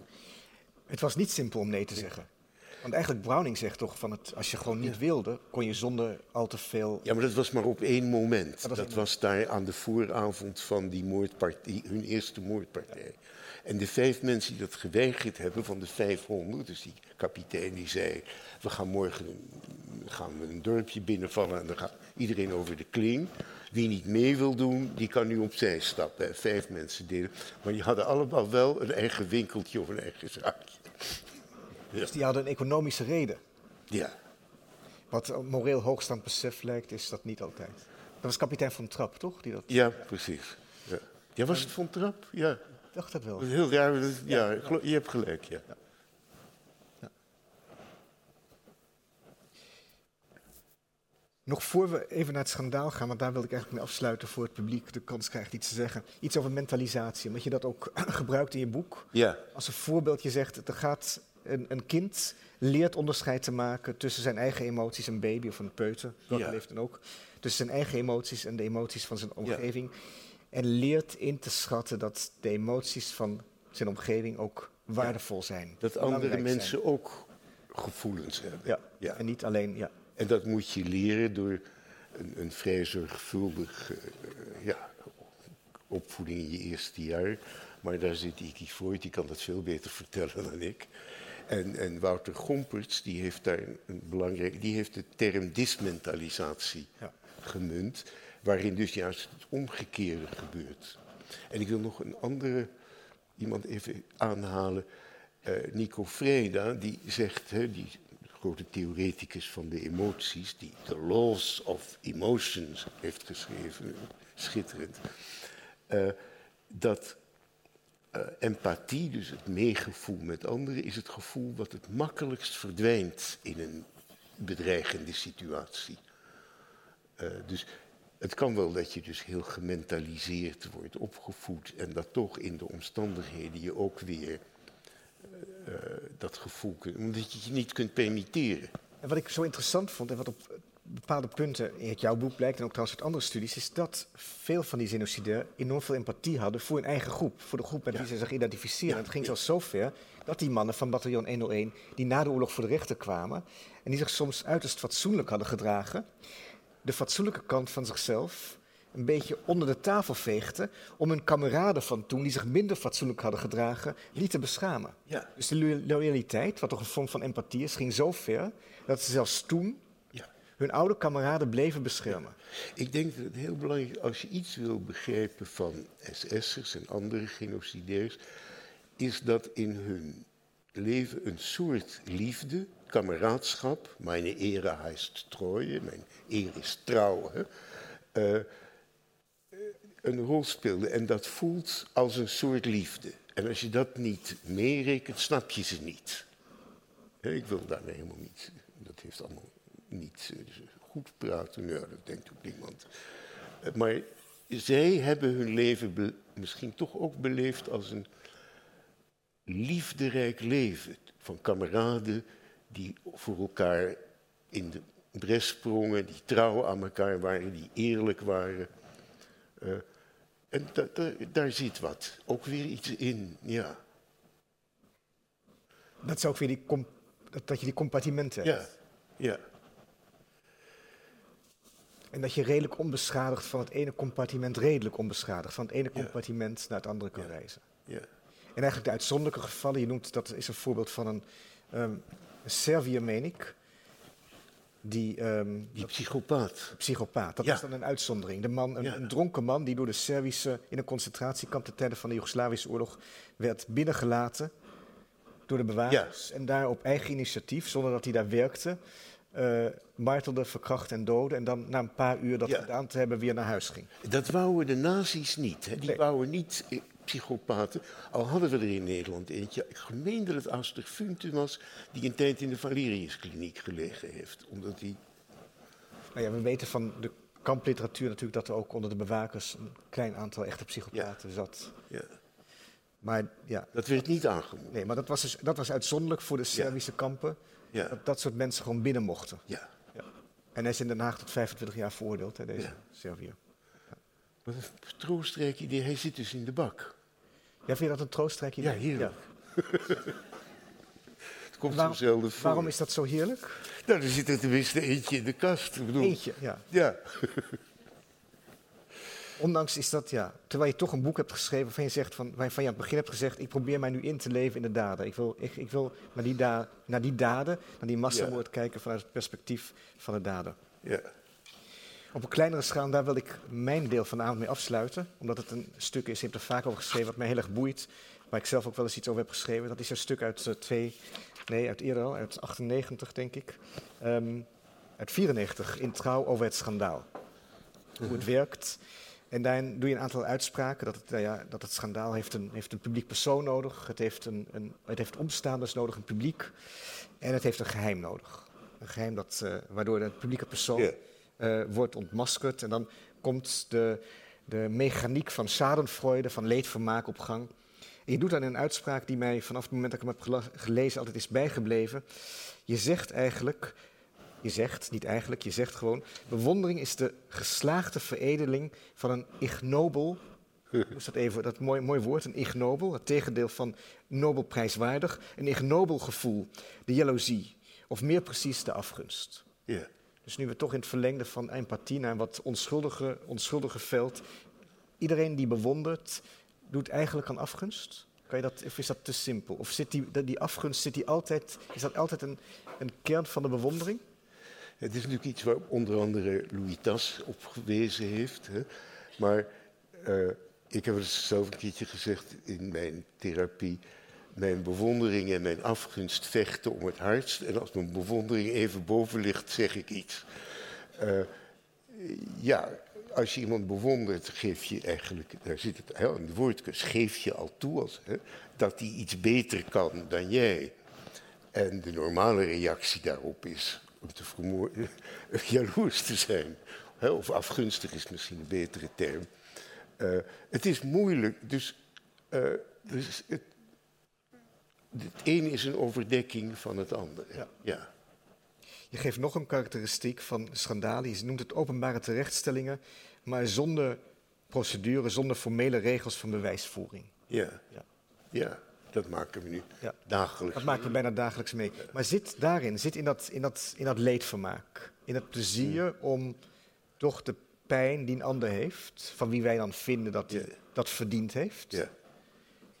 Zit daar niet ook op een heel, heel verdund niveau iets in wat we ook bij de genocidair aantreffen? Zonder te zeggen dat dat. leg even uit. Nou, dat het, het, het, het plezier.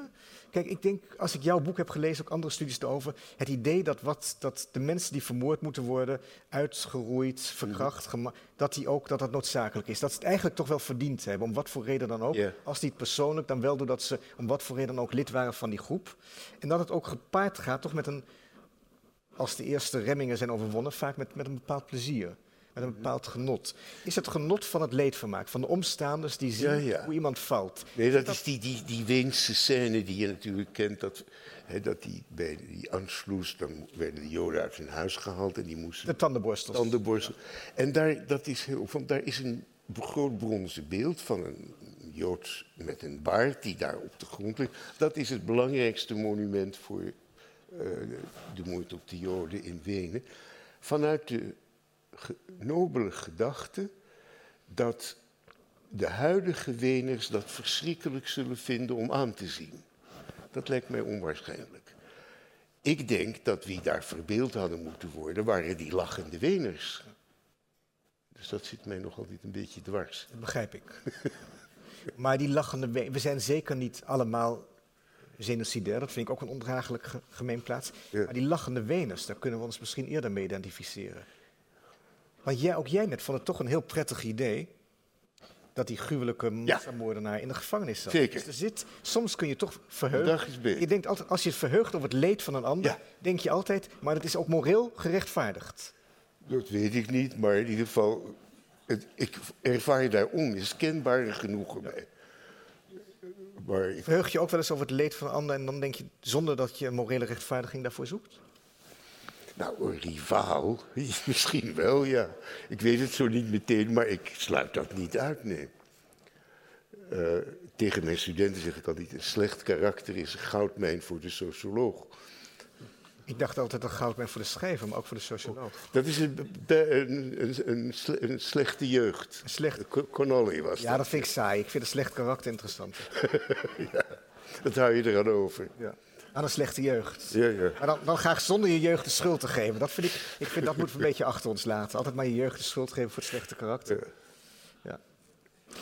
Ik wilde ik kan nog heel lang met je doorpraten over heel veel andere dingen. Misschien moeten we dat doen een andere keer. Maar ik wilde nu u de gelegenheid geven om, uh, één manier kon zich al niet inhouden eerder, om u te mengen in de discussie. En uh, wederom echte vragen, een korte vraag met een vraagteken. Geen anekdotes uit het eigen leven, et cetera.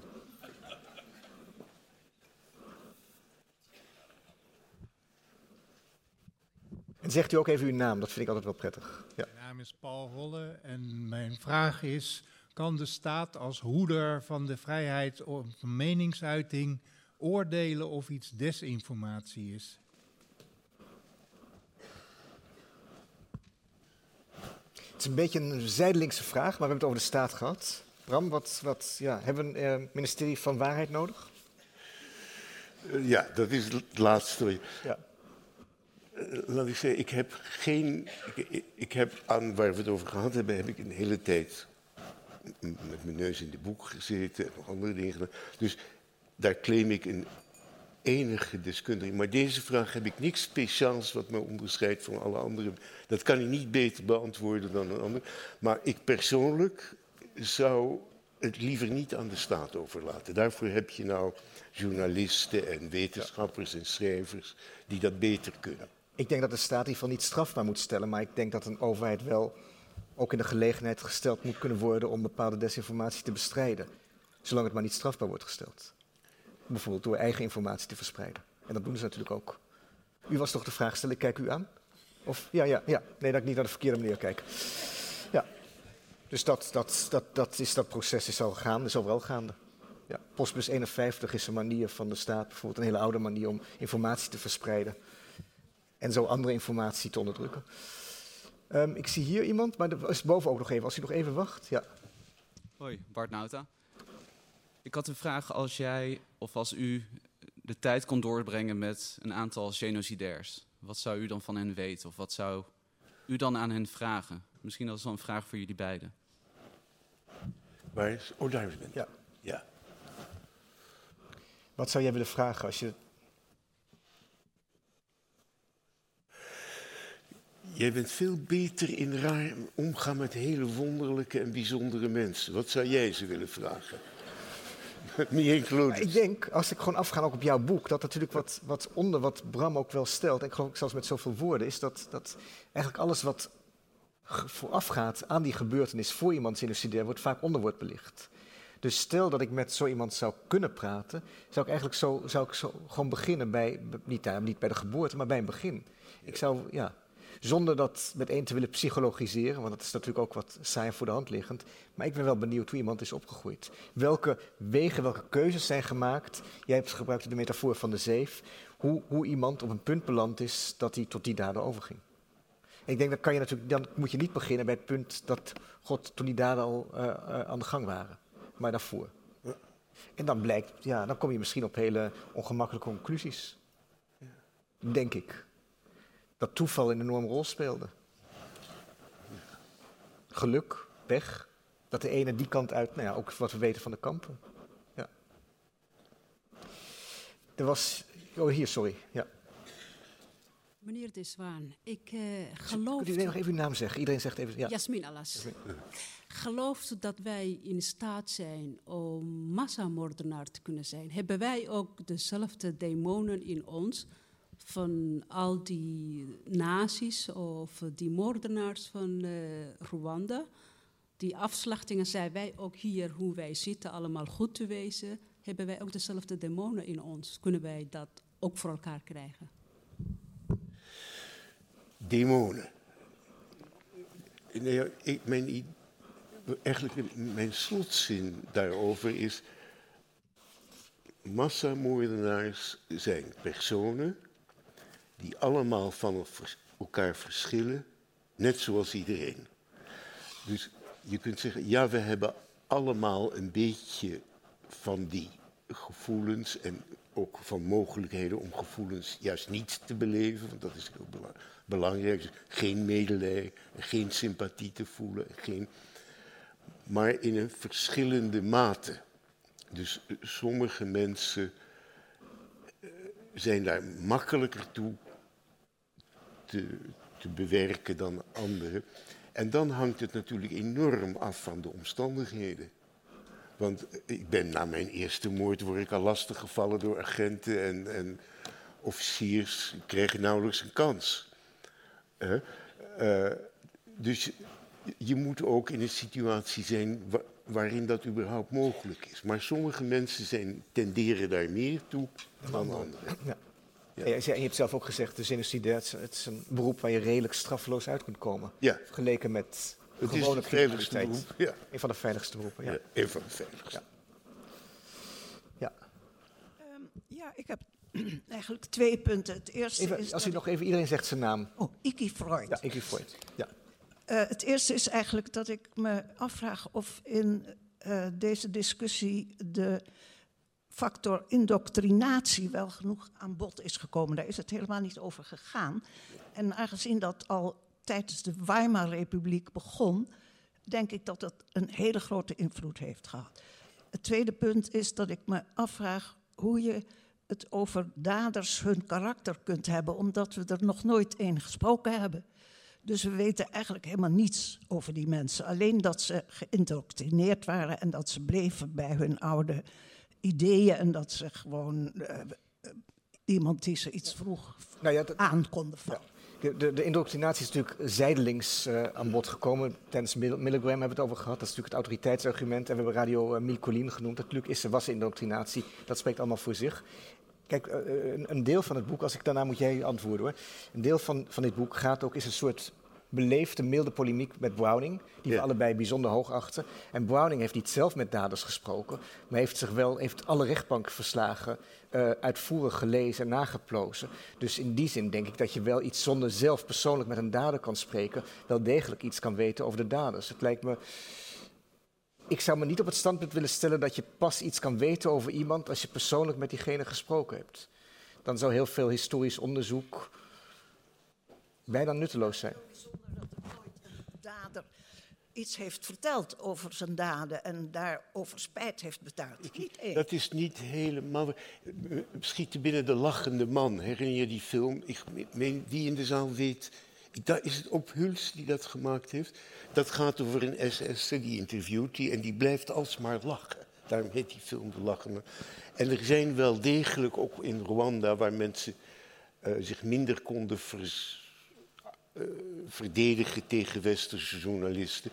Is heel wat in, er zijn heel wat Hutu-daders geïnterviewd. Ja. Ja. Is een beroemd interview met, met uh, Stangel. Kampcommandant ja. ja, nee, er is een heel boek op. Ja. De Speer is meerdere malen geïnterviewd. Er zijn, zijn meer, ja, nou ja, die was zelf geweest naar maar Stangel is een heel Het interview van, uh, van Sassen met Eichmann. Ja. Wat genegeerd werd door Arendt. Dus ja. er zijn, maar het klopt, berouw, maar dat zie je ook bij de processen. Dat zie je bij, dat hebben we bij, het, bij de Nurembergse processen gezien, ook bij de Auschwitz-processen 61 in Frankfurt am Main, waar Arendt trans ook over heeft geschreven. En dat is een veel minder beroemd opstel.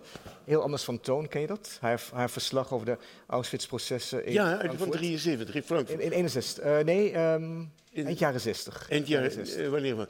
Ja, nee, ja. daar is ze ook, dat was een verschrikkelijk proces. Ja. En daar is ze ook eigenlijk ja. Maar ze heeft nooit eerlijk. Ja, maar de, de, de, de, de waren ook daar waren de minste, waren eigenlijk de uitzonderingen uh, toonden berouw. En er is ook nog één opmerkelijk uh, um, feit, wat zij benadrukt, en wat jij ook indirect benadrukt, is dat bijna alle massamoordenaars hadden ook voor kort of latere tijd beschermelingen. Dus ze hebben ook altijd mensen gered, kan je zeggen. Yeah. Vele van hen hebben yeah. ook mensen gered. En jij noemt de mogelijkheid dat ze dat deden omdat ze voelden dat, uh, dat de oorlog verloren zou worden en ze wilden zich afdekken. Maar het kan ook zijn natuurlijk dat het pure, pure machtswellust is. Dat, of dat, je, dat zij werkelijk met één bepaalde gevangene zoveel medelijden hadden, die waarschijnlijk ook diensten verleende, dat die het leven werd gered. Ja, ja. ja en kunstenaars, met name muzici, ja. Uh, die ja. dat waren ook andere... Ze waren makkelijk te ontroeren. Dat is ook weer ingewikkeld. Nou ja, en, en over Rwanda schrijf je, waren, dat, dat is dan niet te ontroeren. Daar konden sommige Tutsis het, zich het leven redden met um, bananen, bier en wat geld. Ja, ja. ja. Boerenjongens. Boerenjongens. Ja. ja. Ze konden worden verleid ja. om niet te doden. Wat eigenlijk ook toch iets zegt over het fanatisme. Van de schijnbaar fanatieke massamoordenaars. Ja. ja. ja. Iets soortgelijks zag je trouwens in Irak in 2007, toen het Amerikaanse leger opstandelingen ging betalen om geen bermbommen te leggen. En dat was een hele effectieve manier. Hoor je? Ja. Ze kregen ook geld om bermbommen te leggen. Daarna kregen ze geld om het niet te leggen. Maar het moest wel meer zijn dan het, uh, dan het, dan het eerste aanbod. En dat zegt ook iets wat die mensen werden geacht heel fanatiek te zijn. Ja. Um, Cornelis Veerlings, mijn naam. Helemaal in het begin van dit gruwelijke gesprek uh, vertelde u over de zelfs fysieke weerzin die mensen, groepen mensen tegen elkaar kunnen gaan voeren. Mijn vraag aan u is, gelooft u dat um, die gruwelijkheden kunnen groeien zonder dat het van bovenaf of op groepen die daar belang bij denken te hebben aangestuurd wordt. En bij de Hoetjes en de Toetsies was het al heel evident, die radioprogramma's die toen aan de orde waren. U bedoelt zonder indoctrinatie of zonder... Zonder dat het, van, dat het aangestuurd wordt. Het, het, ik geloof niet dat het spontaan ontstaat. Nee, er is ook wel iets over gezegd. Hè? Het is, nee, maar, ja. dat zijn wat je noemt sociale processen. Uh, uh, we hebben het erover groepsvorming gaat vaak gepaard met je afzetten tegen een andere groep. Daardoor kun je het wij zijn niet hun. En dat is, het zijn wat je noemt sociale processen. En soms zitten daar organisaties, kerken, pastoors, eh, burgemeesters. het hele propagandaapparaat van de staat kan daarbij gemobiliseerd worden. Uh, maar nee, dat doe je niet in je eentje. Nee, massamoord is nooit een individuele aangelegenheid. Nee, nee. dat is evident. Ja. En vitale afkeer van de andere ook niet. Uh, Kenneth Beker, en ik had de vraag, is het woord, on, is het woord onmenselijk nog bestaansrecht? Ik ga even de vraag herhalen om zeker te weten dat ik het goed begrepen heb. Want uh, Bram kijkt mij aan. Is het, heeft het woord onmenselijk nog bestaansrecht? Is dat de vraag? Heeft het woord onmenselijk nog bestaansrecht? Het onmenselijke is maar al te menselijk. Het onmenselijke is maar al te menselijk. Ja. Een mooie parafrase van Nietzsche. Uh, dag, mijn naam is uh, Jair Stranders. Uh, ik heb een vraag. Ik moest denken aan de film uh, Das Wijze Band, die denk ik u ook wel gezien heeft van Michael Haneke. Maar anders is mijn vraag misschien niet echt van toepassing. Maar die, ik heb al het idee dat die film, die eindigt, uh, dus dit is een plattelandsdorp in Noord-Duitsland, en die eindigt in 1914. En die kinderen die doen eigenlijk elkaar allemaal gruwelijke dingen aan, maar, zeg maar door een nogal preutse omgeving, of laat ik zeggen strenge omgeving.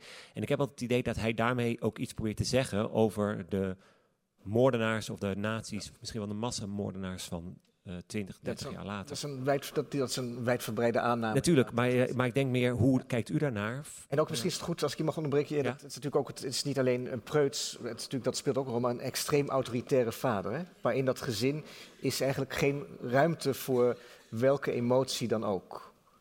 De emotie hoort niet, zeker niet bij, bij die jongens, hoort eigenlijk, speelt geen rol in de opvoeding en dient te worden onderdrukt. Heb jij die film gezien? Ik ken het niet. Nee, oké. Okay. Daarmee komt de vraag eigenlijk te vervallen, want ja, ik vind, ja, oké. Nou, toch dank je voor de vraag. Um, ja, ik zie boven nog iemand. Mijn naam is Van den Boogaard. Ik wilde vragen welke plaats is er in het systeem voor uh, slachtoffers die zelf overtuigd werken aan hun eigen liquidatie. Dus in de Stalinistische terreur in 1937 zijn in de Moskouse processen, vertelt Boegarin enthousiast uh, hoe hij heeft Stalin heeft willen vermoorden, wat niet waar was. En ook later zijn er allerlei verhalen over partijleden die met een leven Stalin voor het uh, vuurpeloton staan. Uh, waar staat deze categorie in het systeem van de compartimentalisering? Er is een prachtig boek van Nancy Adler over mensen die uit de gulag komen en maar één ding willen, hun partijlidmaatschap terug. Want Stalin, vadertje Stalin, als hij dit geweten had, was het nooit gebeurd. Uh, ik denk dat je moet beginnen met uh, het onvermogen van veel mensen om twee feiten tegelijk uh, cognitieve dissonantie op te heffen. ze proberen hun wereld als het ware weer heel te maken, want het waren trouwe partijcommunisten. En ze geloofden echt in de revolutie. En dat was hun leven. En het feit dat die ondertussen... Ook na het kamp. Ook, ook na... het kamp. Dus vadertje Stalin kan dit niet geweten hebben. En dit zijn vroeters die dit verschrikkelijke stelsel buiten zijn medeweten en dat van de goede partijleden hebben opgesteld. En als ik een brief schrijf dat ik weer partijlid wil worden, dat het me allemaal spijt. En dan zou. Hè? Dus als je als partijlid in die kampen kwam, moest je dus je geloof opgeven. Dat is niet. En sommige mensen konden dat, wilden dat geloof niet opgeven. Nee, het geloof der kameraden. Hè. was dat? Ja, maar er, waren natuurlijk ook zelfbeschuldigingen in die Stalinistische processen die met ja. gruwelijke middelen waren afgedwongen. Ja, zeker zonder ja. meer. Maar goed, dat is eigenlijk een eenvoudiger geval. En ik denk dat je over de Joodse grijze zone. Een, een, die maakt ook geen deel uit van jouw verhaal. Nee. Het zondercommando, de uh, slachtoffers nee. die met het, onder de dreiging van de dood bepaalde ja. diensten verleenden voor ja. moordenaars. Dat is weer een hele andere categorie ja. waar, waarvan ik ook denk dat je daar niet heel makkelijk over kan oordelen en niet zou moeten oordelen. Dat zijn ook de woorden van Primo Levi. En dat is ook een nee, gesprek met Bart Nauter, die eerder een vraag heeft gesteld, hebben we uitvoerig. Ik zie, ik zie even niet, oh, daar zit Bart. Uit, over het zondercommando gesproken. Dat was een van de conclusies, meen ik dat we eigenlijk geen oordeel over Nee, dat die, denk die ik mensen konden Dat we vellen. daar maar over stil moeten zijn. U wil weer er tussendoor komen? Nee, nu niet. U bent straks aan de beurt. U moet gewoon even wachten. Ja. Ik zal het kort houden. Eh, mijn naam is eh, Peter Jurgens. Eh, er is een recente studie verschenen eh, naar drugsgebruik in eh Nazi-Duitsland door Norman Ohler. Ja. Eh, zeer onderbouwd. En het beeld wat hij schetst is eh, verbazingwekkend. Eh, een geweldig drugsgebruik. Eh, de Duitse industrie eh, draaide op volle toeren, vijf, zes jaar lang. Eh werd heel veel gebruik gemaakt van wat nu crystal meth heet. Ja. Maar ook van opiaten, ook van cocaïne. Maar vooral dat crystal meth. En hij verklaart veel van de meedogenloosheid. En maar ook van de Ausdauer van eh, frontsoldaten hiermee. Met name de Blitzkrieg bijvoorbeeld. Eh, maar hij verklaart ook het kwade gedrag, het kwaad van, van Hitler zelf, maar ook van de, de nazi-kopstukken, voor een deel uit het enorme drugsgebruik. Wat is uw idee daarover? In hoeverre speelt dat? Voor mij was het in ieder geval een soort missing link van veel wat ik al eerder over de Tweede Wereldoorlog gelezen had. Hoe kijkt u daar tegenaan? Ik ken het boek. Het gaat, dat perfitine was het. eh, het was een eh, oppepmiddel, pepmiddel. En dat heeft zonder twijfel een rol gespeeld in die Blitzkrieg, de aanval op Frankrijk met name. Waar de Franse generale staf niet begreep dat ze langer dan 24 uur die aanval konden volhouden. Dus daar heeft dat een rol in gespeeld. Eh, zoals iemand die belangrijke nieuwe feiten vindt wel meer doet, wordt dat dan de sleutel tot de hele geschiedenis.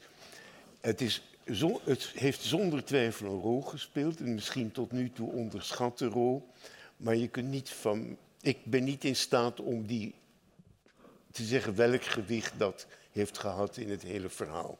Ik noemde ook al even het, het, drankgebruik van die, die politiebataljons achter het Oostfront. Ook dat heeft een, een rol gespeeld. Ja. Maar zou je het een doorslaggevende rol willen noemen? Dat, Dat denk ik niet, Nee, maar dat denk ik ook niet. dan moeten er nog tien van die boeken geschreven worden. Maar Olen heeft iets gevonden en dan gaat hij, dat doet elke eh, wetenschapper daarmee aan de haal. Heb jij dat ook wel eens gedaan? Nee. Nee. er was nog één meneer, die meneer die wil ik nu willen... Oh, nu, hoeft het niet meer. Nu mag het. Oké. Ehm Ines, daar nog een vraag.